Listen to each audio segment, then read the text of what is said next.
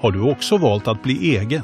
Då är det viktigt att skaffa en bra företagsförsäkring. Hos oss är alla småföretag stora och inga frågor för små. Swedeas företagsförsäkring är anpassad för mindre företag och täcker även sånt som din hemförsäkring inte täcker. Gå in på swedea.se företag och jämför själv.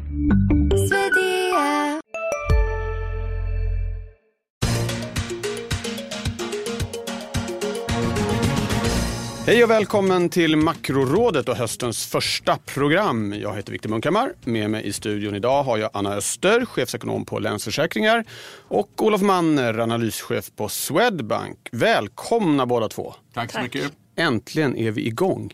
Eh, idag ska vi prata om budgeten. Eh, vi ska prata lite vad man ska ta med sig från sommaren om man höjer blicken lite grann och struntar i dagsbruset.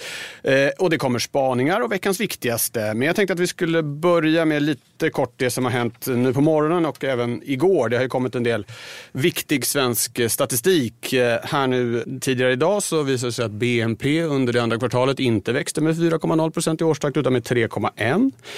Eh, vi fick inflationsförväntningar, den så kallade stora mätningen där också eh, arbetsmarknadens parter är med som visade att de har fortsatt att stiga till glädje för Riksbanken får man anta. Men att löneförväntningarna fortfarande är lite lägre än eh, inte minst Riksbanken skulle önska. Eh, och eh, igår fick vi också en ny inflationssiffra som då visar att det nya officiella måttet KPIF visserligen sjönk något sen chocksiffran i juli men fortfarande ligger en bit över målet. Den kom in på 2,3 och det var lite mer än, än väntat. Så att, eh, en hel del att ta på där. Om ni bara, är det något, vilken av de här punkterna punkterna, Anna, skulle du vilja lyfta upp och säga något om? Eller alla tre för den delen. ja, men jag tänker att sammantaget är det väl då inflationen och inflationsförväntningarna. Eh, inte kanske bara inflationen igår utan inflationen de senaste månaderna. Att den ändå håller i sig på en betydligt bättre nivå. Eh, och vi ser också att det här har avtryck nu i inflationsförväntningarna. Eh, och det här, ju längre det här pågår desto svårare kommer det bli för Riksbanken att riktigt hålla i eh, så länge som de har tänkt sig. De har ju inte tänkt sig höja förrän eh, till sommaren någon gång nästa år. Ehm, och den diskussionen kommer bli tuff för dem ju längre den här utvecklingen står sig. Ja, Olof, vad plockar du upp av de här ah, bollarna? Ja, det, ja, det är ju så att, att eh, utav de eh, parametrarna som du inledningsvis nämnde så blir ju KPI den siffran som så att säga var mest överraskande. Eh, och fick också de största marknadsreaktionerna med en markant kronförstärkning när siffran kom. Eh, och tillägga är väl egentligen att, att eh, det är femte månaden i rad som inflationen faktiskt överstiger eh, Riksbankens prognos. Inflationsförväntningarna ligger nu över målet. Inflationen ligger just nu över målet. Och faktum är att det är den inhemska inflationen som har stigit ordentligt. Vilket också är positivt med tanke på att vi trots allt under sommaren har sett en viss kronförstärkning. Eh, vilket eh, rimligtvis borde dra ner den importerade inflationen med några snäpp. Då. Men Eh, överlag och så, så, är det här liksom en, en bekräftelse på att eh, Riksbankens penningpolitik eh, har eh, bitit fast. Då. Och precis som Anna var inne på, jag tror också det kommer bli svårare för eh, Riksbanken att värja sig mot eh, eh signaler eller önskemål om att ta sig ifrån minusräntepolitiken om inflationen ligger kvar här och tuffar på. Ja, då mm. måste jag bara bita fast lite i det. Tror ni att det kan hända någonting redan till nästa möte, oktobermötet då, i slutet av oktober? Nej, men de måste ju ändå börja svänga lite i kommunikationen innan de eh, möjligen gör någonting med de behöver ju börja signalera annorlunda. Jag tror inte att vi börjar närma oss en höjning med stormsteg på något vis. Men eh, de kommer nog att tvingas tidigare lägga den där höjningen. Det tror jag. Och jag tror också att den kommer i april i vår prognos. Ehm, men vi får ju också avvakta och se här om det här fortsätter. Jag tror ju att det ska dippa ner lite inflationen här under hösten. Gör inte det så får ju även vi fundera på vår bedömning. Ja, okej. Okay jag tänkte det är ett tag sedan vi, vi stod här i studion. Eh, det har varit ett långt sommaruppehåll för Makrorådet. Det har hänt en del under sommaren. Eh, om ni ska liksom, ser ni någon, någon, större trend eller något skifte? Något man liksom bör ta med sig inför hösten som har hänt? Det kan gälla både den svenska ekonomin, eller den globala ekonomin eller finansmarknaderna. Vad är det man liksom verkligen, eh, vad, vad, är, vad är det viktigaste som har hänt? Olof, om du vill börja nu. Ja, i, i, min värld är ju det ändå temat som har, har börjat vad det gäller centralbankernas eh, Eh, exit från obligationsköp och QE. Eh, det har varit ett genomgående tema i sommar. Det har lagt sig lite här i slutet på eh, början på hösten, slutet på sommaren, början på hösten. Men det satte ju igång en ränteupptrend i, eh, i hela marknaden och det är fortsatt väldigt stor fokus på om och när centralbankerna ska ta bladet från munnen eh, och börja kommunicera hur och när man har tänkt att sluta med de här. Närmast i pipelinen ligger naturligtvis Fed. Där finns det förväntningar på att de faktiskt eh, redan nästa vecka kommer att, eh, att snacka om det här. Vad det gäller ECB så ligger det förväntningar på att de under sitt oktobermöte ska eh, nämna det här. Och för den svenska centralbankens del så ska ju allt annat lika obligationsköpen upphöra kring årsskiftet. Så att och det här är ju en, en, eh, det här är ett skeende som har hållit på ända sedan finans och Lehman-kraschen i eh, stor skala, det vill säga under tio års tid. Så att det är ju en game changer, det är inget snack om saken. Ja. Anna? Ja, nej men absolut. Sen eh, ska man ju inte glömma, tänker jag, att det verkligen ser bättre ut i den globala ekonomin fortsatt. Eh, det har ju varit lite stökigt med tanke på Nordkorea och andra typer av politiska händelser som det har funnits en viss oro kring. Eh, men ekonomin ser ju robust ut tycker jag och går verkligen i rätt riktning. Och det kan ju vara bra att just ha i bak huvudet då när man funderar på de här lite krusningarna på ytan och vad som kan stöka till det framöver. I grund och botten så ser det bra ut. Men bara som ett tillägg till den här eh, centralbanksdiskussionen som Olof var inne på med omsvängning som förväntas. Så samtidigt det som har hänt är ju det lägre än väntade inflationstrycket i USA. Som ju liksom går stick i stäv med eh, allt som vi har förväntat oss på något vis. Och man kan diskutera tillfälliga effekter och så vidare. Men, men så som det ser ut nu så är ju inte inflationen på väg upp utan den är på väg ner. Nu, nu tror vi att det är på väg att vända och så vidare. Men data ser inte ut så just nu. Eh, och det gör ju också att förväntningarna har fallit rejält på Fed. Eh, även om de väntas komma med de här beskeden om balansräkningen nästa vecka så har ju förväntningarna på räntehöjningarna kommit på skam. De å andra eh, sidan höjt räntan eh, tre absolut. gånger redan. Men det är ändå stor skillnad om man blickar framåt vad Fed själva säger att de ska göra och vad marknaden tror. Det är en väldigt stor skillnad. Marknaden tror på ungefär en, en höjning innan 2018 är slut totalt från och med nu. Medan Fed själva i alla fall förut har sagt fyra. och det är ju en stor differens. Eh, så bra ekonomi men förvånande inflationstryck i USA. Tack för det. Då ska vi eh, flytta oss till hemmaplan. Det kommer en budget i nästa vecka. Eh, I vanlig ordning så har väldigt mycket, eller läckt ut har inte gjort, det har presenterats av regeringen helt enkelt i små portioner nästan, nästan dagligen. Och eh, startskottet var ju Harpsund där Magdalena Andersson rätt överraskande meddelade att hon ser ett utrymme för ofinansierade reformer på hela 40 miljarder, nästan 1 procent av BNP. Av det ni har sett eh, av budgetnyheter hittills. Eh, hur skulle ni säga att det här påverkar den, den svenska ekonomin om man försöker liksom både på kort sikt, kanske då via efterfrågan och också lång sikt, ekonomins funktionssätt och så vidare? Anna? Ja, men om jag fokuserar då på arbetsmarknadsåtgärderna kanske. För det var väl det som överraskade mest tycker jag när de kom med den här nya ekonomiska bedömningen i augusti som ligger till grund för eh, budgeten nu. Då. Det var då hon nämnde de här 40 miljarderna, att eh, de finns att tillgå. Då drog de ner sin prognos för arbetslösheten ganska markant till 5,9 procent nästa år. Och det är ju lägre än, jag har inte sett någon som har så lågt helt enkelt. Eh, och så var det, det kommer komma åtgärder som förklarar en stor del av den här nedrevideringen. Då. Och nu vet vi inte allt, men det har ju kommit ett paket kring arbetsmarknaden som är ju väldigt utbildningsfokuserat. Eh, skapas många nya utbildningsplatser nästa år. Eh, och det här ska man komma ihåg i statistiken att om de bara heltidsstuderar och inte söker arbete så försvinner de ju från arbetsmarknaden. Eh, så att det får ju statistikeffekter. Så det gäller ju verkligen att det här är rätt typ av utbildning så att vi kan se långsiktiga effekter av att jobbchanserna för de här grupperna ökar. Eh, och vi har inte sett tillräckligt med detaljer än kring det helt enkelt för att kunna göra den bedömningen. Eh, och jag tror ju kanske inte heller det. det utbildning behövs eh, men jag tror att det kommer behövas även mer, en bredare palett av åtgärder för att verkligen komma till rätta med den här gruppen som nu är arbetslös.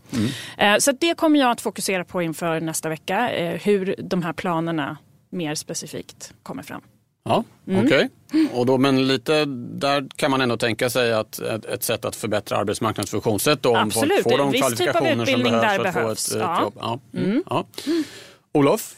Vad... Jag kan igen konstatera att vi är sorgligt eh, sammansjungna jag och Anna. Eh, för det är just eh, satsningarna på den delen av befolkningen som står utanför arbetsmarknaden egentligen. Alltså, eh, de som ska in i deltagandegraden som över tiden kommer vara det viktiga. Och, eh, I och med att det börjar, vi börjar ju se en resursbrist i allt fler sektorer på arbetsmarknaden så är det ju faktiskt inte säkert att de här stimulanserna biter. Att det liksom det kanske skapar jobb men det finns ingen arbetskraft som kan fylla upp dem i alla fall. Så behovet av om och utbildning är ju eh, stort på såväl kort som lång sikt. Sen tror jag liksom eh, att, att man får väl konstatera att det blir en valbudget. utav de här 40 utlovade så har man väl redan levererat närmare 30 tror jag. Mm.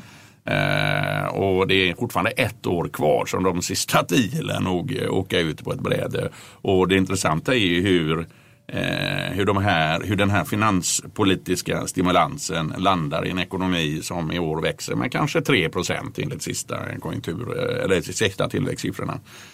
Eh, något rykte säger att Magdalena har uttryckt sig om att eh, vid en eventuell överrättning så är ju det Ingves jobb att ta hand om, eh, om det. Och, Eh, det får man väl se. Eh, mm. Jag vet inte. Men... Se om det blir Ingves jobb eller ifall han kommer göra det. det vi kan ju säga det, de som in, inte följer det här dagligen ja, det så är det så att, att Magdalena Anderssons ja. egen statssekreterare Caroline Ekholm är favorit att ta över efter uh, Stefan Ingves. Ja, men det, min poäng är ju att, att ekonomin växer så det knakar och en, en, en bred finanspolitisk stimulans uh, skulle ju faktiskt kunna ge ekonomin en sån skjuts att man till och med börja prata om överhettning. Mm. Men det får vi och se. Enbart Riksbankens uppdrag är ju inte det här utan det är ju speciellt att stimulera på det här sättet från finanspolitiken.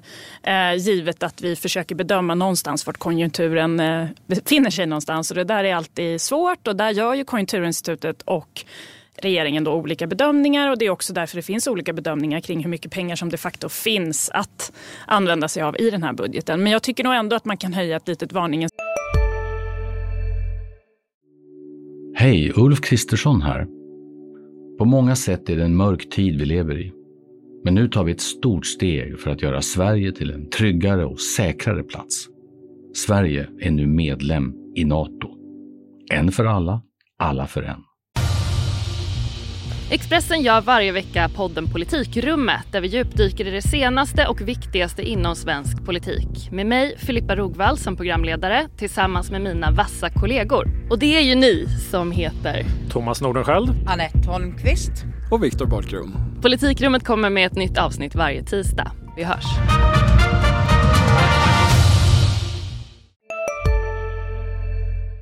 Finger för att det inte enbart är Riksbanken som ska fixa det här då, om de stimulerar.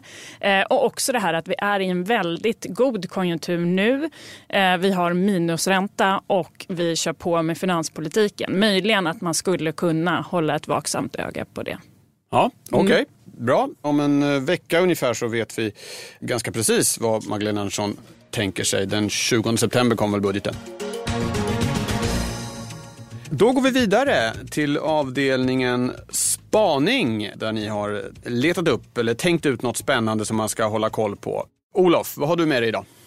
Eh, jag har med mig en långskånk då som ligger ja, eh, kanske, eh, vi är redan mitt i, i den men den kommer ju att eh, utvecklas och bli allt mer tydlig de närmsta 5, 10, 15 åren och det är omställningen som sker från Eh, fossila bränslen mot eh, återvinningsbar energi eller renewables då med sol, vind, vattenkraft med mera. Och, eh, det jag funderar på det är liksom, för den här omställningen går ganska fort.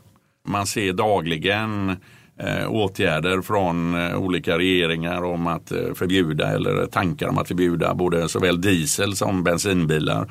Eh, man kan åka i 170 knyck mellan Stockholm och Göteborg idag och ladda batteriet en gång eh, med en elbil. Eh, det händer mycket och det händer väldigt fort. Och forskningen på eh, framförallt eh, energy storage, det vill säga batteriteknik, är idag enorm. Den dagen vi lär oss att lagra eh, den här momentana energin från sol, vind och vatten då kommer ju behovet av fossila bränslen att minska snabbt. Och i någon framtid när behovet av fossila bränslen inte längre är lika stort, då kommer vi in på geopolitiska frågor. Mm. Konflikter i Mellanöstern som historiskt har varit eh, av global karaktär för de har påverkat oljepriser som alla har varit eh, beroende av. Vem bryr sig om det i samma omfattning och vad innebär det för geopolitiken i den delen av världen? Eh, vad händer med rysk ekonomi den dagen det globala behovet av olja minskar? Det är deras största intäktskälla. Eh, vad tycker Putin om det? Hur påverkar det deras geopolitik? Omvänt, om man utgår ifrån att det fortfarande är litiumtekniken i batterier som kommer att utvecklas. Vad innebär det för Chile? Eh, som är den största producenten idag, eller för Bolivia, ett fattigt land som har de största resurserna av litium och så vidare. Det kan bli stora ekonomiska effekter och vi är mitt inne i den utvecklingen som går rasande fort idag. Det ska tydligen byggas en eh, fabrik i eh, antingen Skellefteå eller Västerås med 4000 eh, medarbetare av en eh, gammal Tesla-medarbetare och i Northvolts regi. Jag menar, det, vi ser det överallt. Eh, och det går mycket fortare om man går tillbaka tio år än vad jag någonsin hade trott. Så det här tror jag är ett skeende som kommer att påverka alla och det kommer att påverka ekonomin och geopolitiken mycket fortare än vad vi tror. Ja, mm. vågar du dra några, liksom, om vi plockar ner det på den nivån där vi ibland pratar, alltså tillväxträntor, valutor, den typen av grejer. Eller är det för eh, svårt att dra några sådana? Ja, ja, men, Oljepriset kan man ju tänka sig då ja, vad det, ska hända. Det närmaste man kommer är naturligtvis eh, miljö och klimataspekter. Eh, mm. Nu är inte jag någon expert på eh, det. Och, och men någonstans så tror jag ju liksom att det, det, är, det finns ett samband mellan fossila bränslen och växthuseffekter. Och då skulle ju det här vara positivt. Sen är det ju ett tekniksprång och tekniksprång förändrar ju såväl ekonomier som arbetsmarknad och, och ger omvälvningar i ekonomin. Eh, så att det är ju det är fantastiskt spännande och jag ser väl eh, mer goda effekter av det här än onda. Men jag är rädd för de geopolitiska effekterna som det här kan innebära. Mm. När de ekonomiska fundamenten rubbas så i grunden. Ja, Intressant. Anna, har du någon reflektion på Olofs och sen din Nej, egen Det är väldigt eh, intressant ju, onekligen och väldigt svårt att förutspå. Det är en väldigt lång spaning. Ja, men, och lång, ja, pratade du länge eller spanade du långt in i framtiden? Välj själv. Nej, jag menar bara Trump i det här som försöker gå åt andra hållet. Eh, jag skulle ju betta mina pengar på det här mer långsiktiga spåret men det kan ju bli stökigt på vägen när man har en sån ledare som kämpar i motsatt riktning. Ja, ja, okay. Det var min ja, enda fundering. Din, ja. hela. Eh, jag går lite mer närmare i tid i min spaning. Ja. Eh, jag funderar på det här eh, taket eller som inte riktigt är det, ett amorteringskrav som har med skulderna som andel av den inkomst du har också. Det här som eh, Finansinspektionen har ute på remiss och som förslag för ett åtstramande amorteringskrav helt enkelt. Börjar ju remissvaren, eller börjar, de har väl kommit in allihopa va? Det var väl sista dagen för dem förra veckan tror jag när man skulle komma med svar på vad man tycker om det här. Och då tänk, dels så har de ju fått en del kritik faktiskt. Vissa är ju positiva men det har varit ganska kritiskt i de här svaren också. Och jag tycker faktiskt att Konjunkturinstitutets svar är nästan mest svidande. För det, de säger att de inte egentligen kan göra någon bedömning eftersom det totalt av, saknas analys av för och nackdelar. Och Oj. att man måste titta på eh, alternativa åtgärder också. Och det, det, där är väl lite det, eh, jag lyfter upp det också eftersom det är lite så jag har känt såklart. Att jag tycker att det inte diskuteras i grunden riktigt. Vilka konsekvenser, vi vet, eller vi måste ju fundera på vad kostnaderna är för en hög hus hushållsskuldsättning som liksom eh, inte blir balanserad då på något vis och vilka kostnader det kan bringa och vilka kostnader det här förslaget eventuellt kan åstadkomma. Och det måste ju ställas mot varandra. Vi kan ju liksom inte bara se på de här olika sakerna isolerat från varandra utan vi behöver göra en helhetsbedömning. Hur svår den än må vara så tycker inte jag att vi kan komma undan med att låta bli helt enkelt.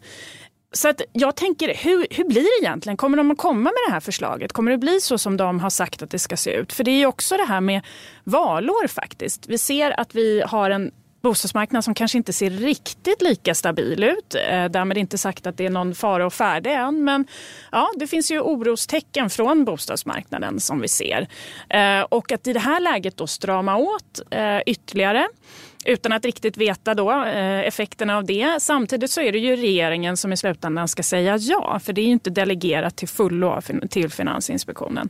Eh, kommer de göra det när det är val i september nästa år? Ja, jag vet inte. Jag tycker nog att eh, bostadsmarknaden kanske inte är det de vill ge sig på här och nu. Även om det blir svårt för dem att inte göra det heller. För att de har ju lite sagt att vi behöver inte göra de här andra sakerna eftersom vi har en finansinspektion här som tar hand om makrotillsynen. Dra ner på ränteavdrag, ja, återinföra fastighetsskatten behöver, och andra saker som mm. kanske smakar ännu sämre ett valår. Ja, så mm. det blir svårt att avstå, svårt att göra det. Så det här blir intressant att följa tycker jag. Och så kan man väl bara hoppas att efter valet kan vi börja diskutera de här frågorna igen på riktigt. Det här med det du pratade om precis, fastighetsavgift, ränteavdrag, stämpelskatt. Som många hoppades på att vi skulle börja diskutera efter en förra ny, valet. Ett nytt system. Ja, men vi ska väl inte ge upp? Nej, nej, nej. nej, nej. Utan det är nu, nu kommer det efter nästa val, hoppas ja. jag på. Ja. Men jag tror att det kan bli lite stökigt innan dess med just det här amorteringskravet. Ja, helt klart. Det låter som du själv är lite tveksam till om det är lämpligt ja, att införa det här ja, skärpningen det, absolut. av amorteringskravet. Jag tycker egentligen att man ska läget. vänta längre och utvärdera de krav vi redan har fått på plats. Så jag är lite skeptisk. Och tidigare var jag mer säker på att det ändå skulle genomföras. Nu har jag blivit lite mer osäker.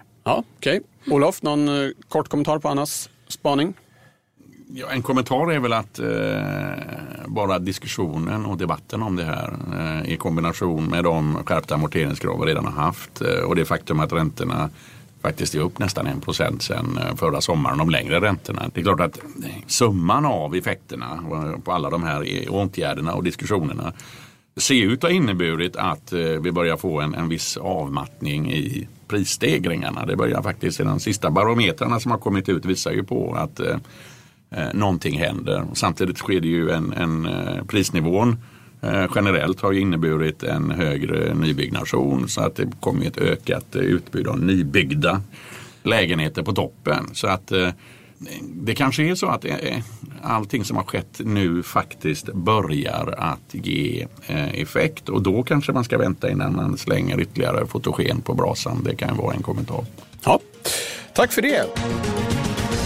Då går vi vidare till den sista punkten på agendan, veckans viktigaste. Om man ska liksom bara hålla koll på en eller möjligtvis ett par då kanske, det brukar ibland bli så, statistikpunkter. Eh, vad är det ni kommer titta mest på? Olof, vad är viktigast? Det är ingen sån här riktig eh, game changer som kommer. Eh, eh, men sen är det klart, och då blir det ju lätt för mig att välja eh, amerikanska centralbanksmötet nästa vecka och inflationen som kommer i USA. Eh, just det kommer statistik över inflationen och Fed har ett eh, möte? Svar ja. ja. Eh, och med tanke på det vi har diskuterat tidigare här idag så, så, så är den amerikanska centralbankspolitiken så att säga fortfarande lead. Och det kommer få effekter. Så det är liksom det jag tittar på. Och framförallt signaler någonstans ifrån att lönerna börjar öka. Eh, speciellt då i USA där arbetslösheten, även om den steg en tiondel sista gången, så ligger den ju ändå på en nivå där man sedan länge har väntat på att löneökningarna ska komma. Löneökningar är ju någonting vi liksom längtar efter i andra stora ekonomier och för all del även i Sverige.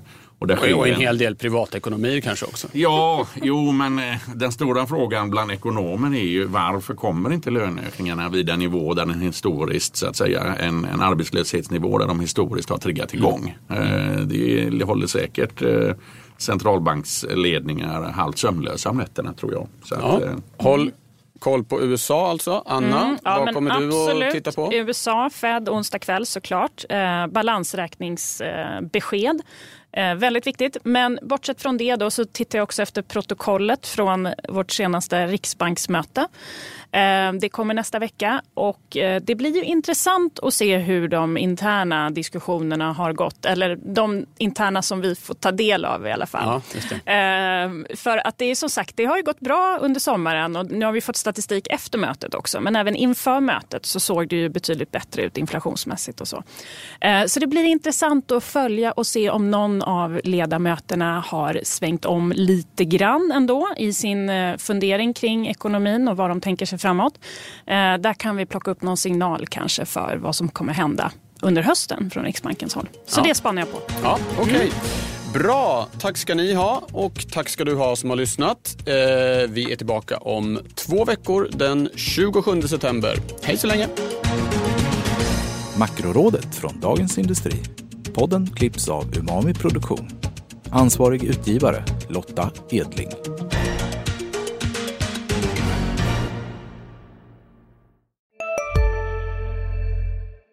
Hej, Synoptik här. Hos oss får du hjälp med att ta hand om din ögonhälsa. Med vår synundersökning kan vi upptäcka både synförändringar och tecken på vanliga ögonsjukdomar. Boka tid på synoptik.se. Välkommen till Maccafé på utvalda McDonalds restauranger med Baristakaffe till rimligt pris. Vad sägs om en latte eller cappuccino för bara 35 kronor? Alltid gjorda av våra utbildade baristor.